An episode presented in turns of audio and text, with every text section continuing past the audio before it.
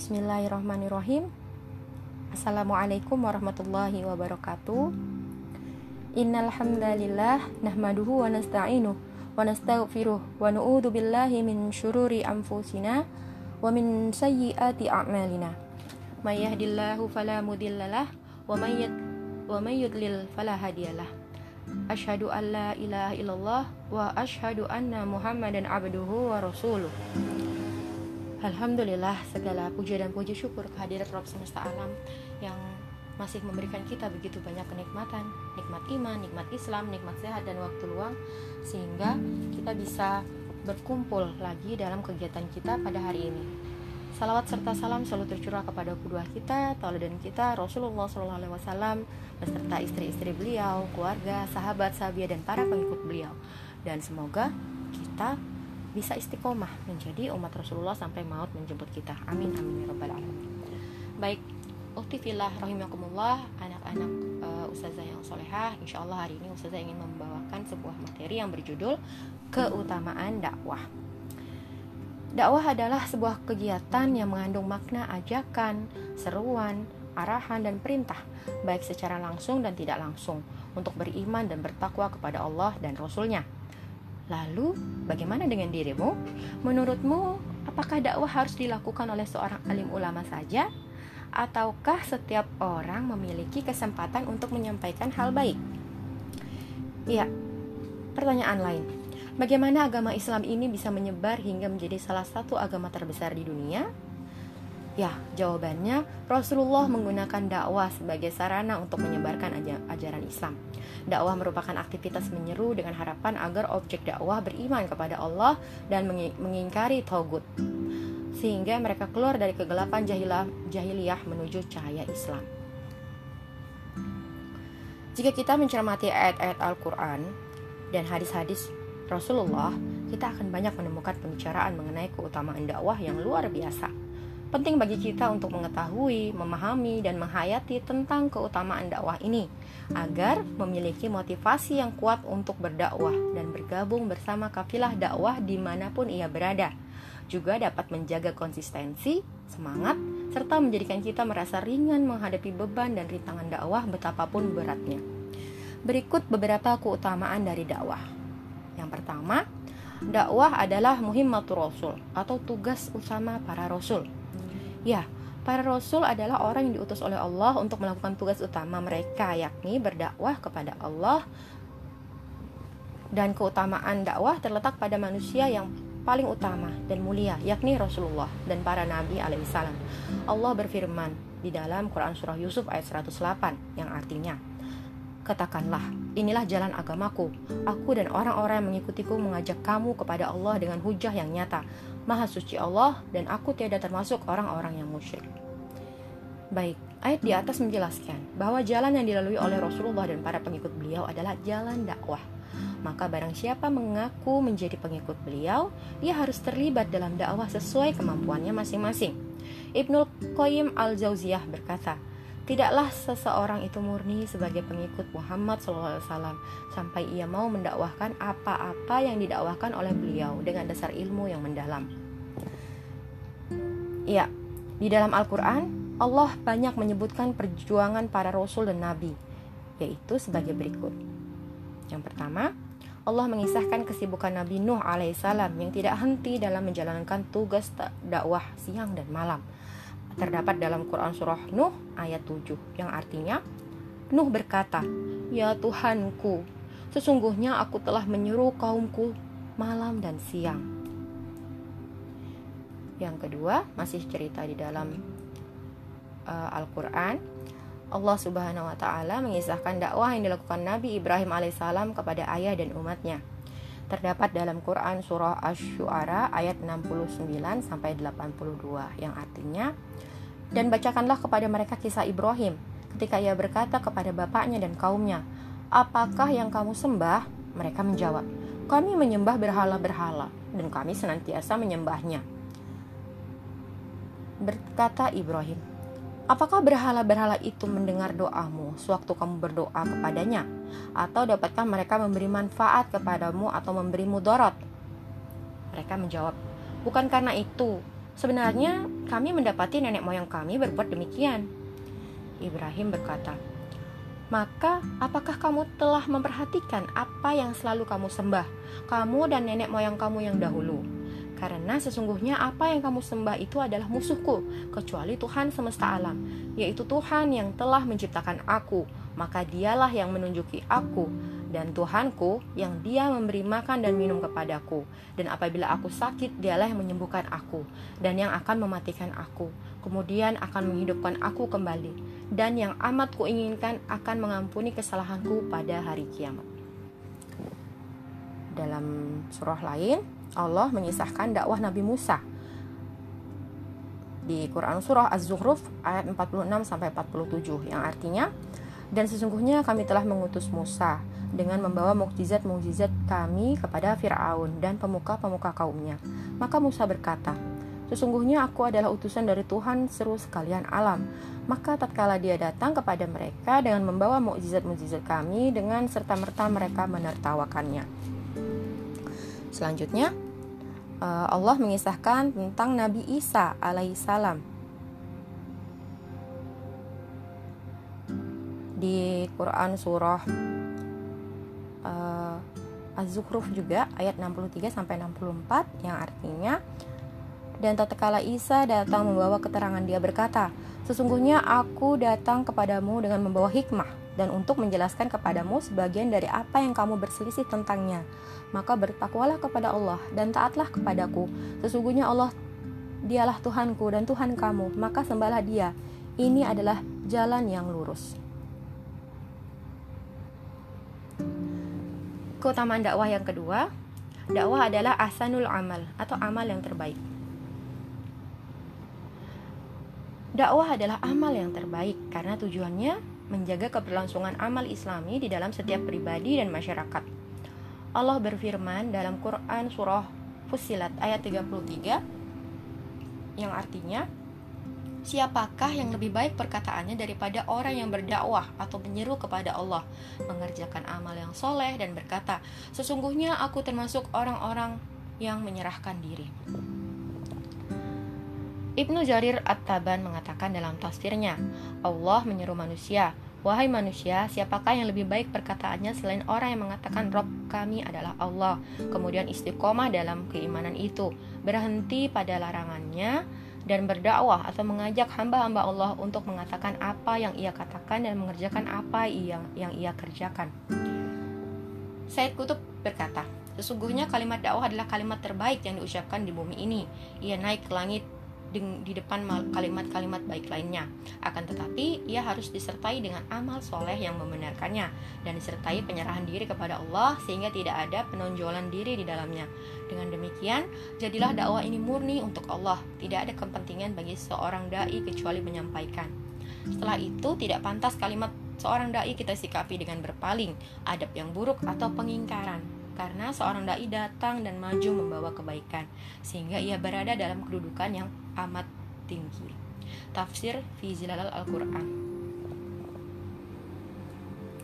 Keutamaan yang ketiga, dakwah memiliki keutamaan besar. Rasulullah bersabda kepada Ali bin Abi Thalib, "Demi Allah, sesungguhnya Allah menunjuki seseorang dengan dakwahmu, maka ia lebih bagimu dari lebih baik bagimu dari unta merah." hadis riwayat Bukhari, Muslim dan Ahmad. Ibnu Hajar al Asqalani ketika menjelaskan hadis ini mengatakan bahwa unta merah adalah kendaraan yang sangat dibanggakan oleh kaum Arab pada saat itu. Hadis ini menunjukkan bahwa usaha seorang dai menyampaikan hidayah adalah sesuatu yang amat besar nilainya di sisi Allah, lebih besar dan lebih baik dari kebanggaan seseorang terhadap kendaraan mewah miliknya. Dalam riwayat Al-Hakim disebutkan, Wahai Ali, sesungguhnya Allah menunjuki seseorang dengan usaha kedua tanganmu, maka itu lebih baik bagimu dari tempat mana pun yang matahari terbit di atasnya, lebih baik dari dunia dan isinya. Kemudian, dalam hadis riwayat Tirmizi, Rasulullah bersabda, Sesungguhnya Allah memberi banyak kebaikan, para malaikatnya, penghuni langit dan bumi, sampai semut-semut di lubangnya dan ikan-ikan selalu mendoakan orang-orang yang mengajarkan kebaikan kepada orang lain. Coba ditebak, berapa jumlah malaikat, semut, dan ikan yang ada di dunia ini. Bayangkan betapa besar kebaikan yang diperoleh oleh seorang dai dengan doa mereka semua. Imam Tirmizi setelah menyebutkan hadis tersebut juga mengutip ucapan Fudail bin Iyad rahimahullah yang mengatakan, seorang yang berilmu beramal dan mengajarkan ilmunya akan dipanggil sebagai orang besar atau mulia di kerajaan langit. Keagungan balasan bagi orang yang berdakwah tidak hanya pada besarnya balasan untuknya, tetapi karena terus-menerusnya ganjaran itu mengalir padanya meskipun ia telah wafat. Sabda Rasulullah yang artinya, Siapa yang mencontohkan perbuatan baik dalam Islam, lalu perbuatan itu setelahnya dicontoh orang lain, maka akan dicatat untuknya pahala. Seperti pahala orang yang mencontohnya tanpa mengurangi sedikit pun pahala mereka yang mencontohkannya. Dan barang siapa mencontohkan perbuatan buruk, lalu perbuatan itu dilakukan oleh orang lain, maka akan ditulis baginya dosa, seperti dosa orang yang menirunya tanpa mengurangi dosa mereka yang menirunya. Hadis riwayat Muslim. Dan yang ke keutamaan dakwah yang keempat, dakwah menyelamatkan dari azab Allah. Dakwah yang dilakukan oleh seorang dai akan membawa manfaat bagi dirinya sebelum manfaat itu dirasakan oleh orang lain. Manfaat itu antara lain adalah terlepasnya tanggung jawabnya di hadapan Allah sehingga ia terhindar dari azabnya. Sebuah daerah yang bernama Ailah atau Eliyah, perkampungan Bani Israel, penduduknya diperintahkan Allah untuk menghormati hari Jumat dan menjadikan hari besar. Tetapi mereka tidak bersedia dan lebih menyukai hari Sabtu. Sebagai hukumannya, Allah melarang mereka untuk mencari dan memakan ikan di hari Sabtu, dan Allah membuat ikan-ikan tidak muncul kecuali di hari Sabtu. Sekelompok orang kemudian melanggar larangan ini dan membuat perangkap ikan, sehingga ikan-ikan di hari Sabtu masuk ke dalam perangkap mereka. Lalu mereka mengambilnya di hari Ahad dan memakannya. Sementara orang-orang yang tidak melanggar larangan Allah terbagi menjadi dua kelompok, yaitu mereka yang mencegah kemungkaran dan mereka yang diam saja. Terjadilah dialog di antara orang yang diam saja dan orang yang mengingatkan saudaranya. Dialog ini disebutkan di dalam Al-Quran di Quran Surah Al-A'raf ayat 163 sampai 165 yang artinya dan tanyakanlah kepada Bani Israel tentang negeri yang terletak di dekat laut ketika mereka melanggar aturan pada hari Sabtu.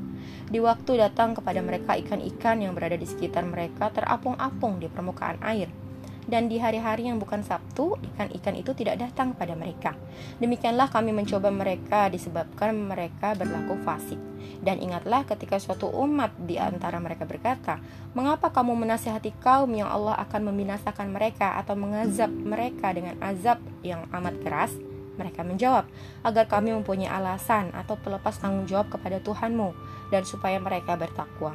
Maka tatkala mereka melupakan apa yang diperingatkan kepada mereka, kami selamatkan orang-orang yang melarang dari perbuatan jahat dan kami timpakan kepada orang-orang yang zalim siksaan yang keras disebabkan mereka selalu berbuat fasik. Perhatikanlah jawaban orang-orang yang berdakwah.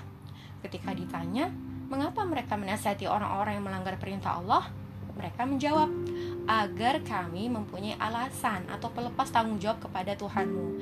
Kami berdakwah agar menjadi argumentasi dan penyelamat kami di hadapan Allah. Kemudian ditutup dengan kalimat, mudah-mudahan mereka bertakwa. Perhatikan pula bahwa yang diselamatkan oleh Allah dari azabnya adalah orang-orang yang melarang perbuatan maksiat.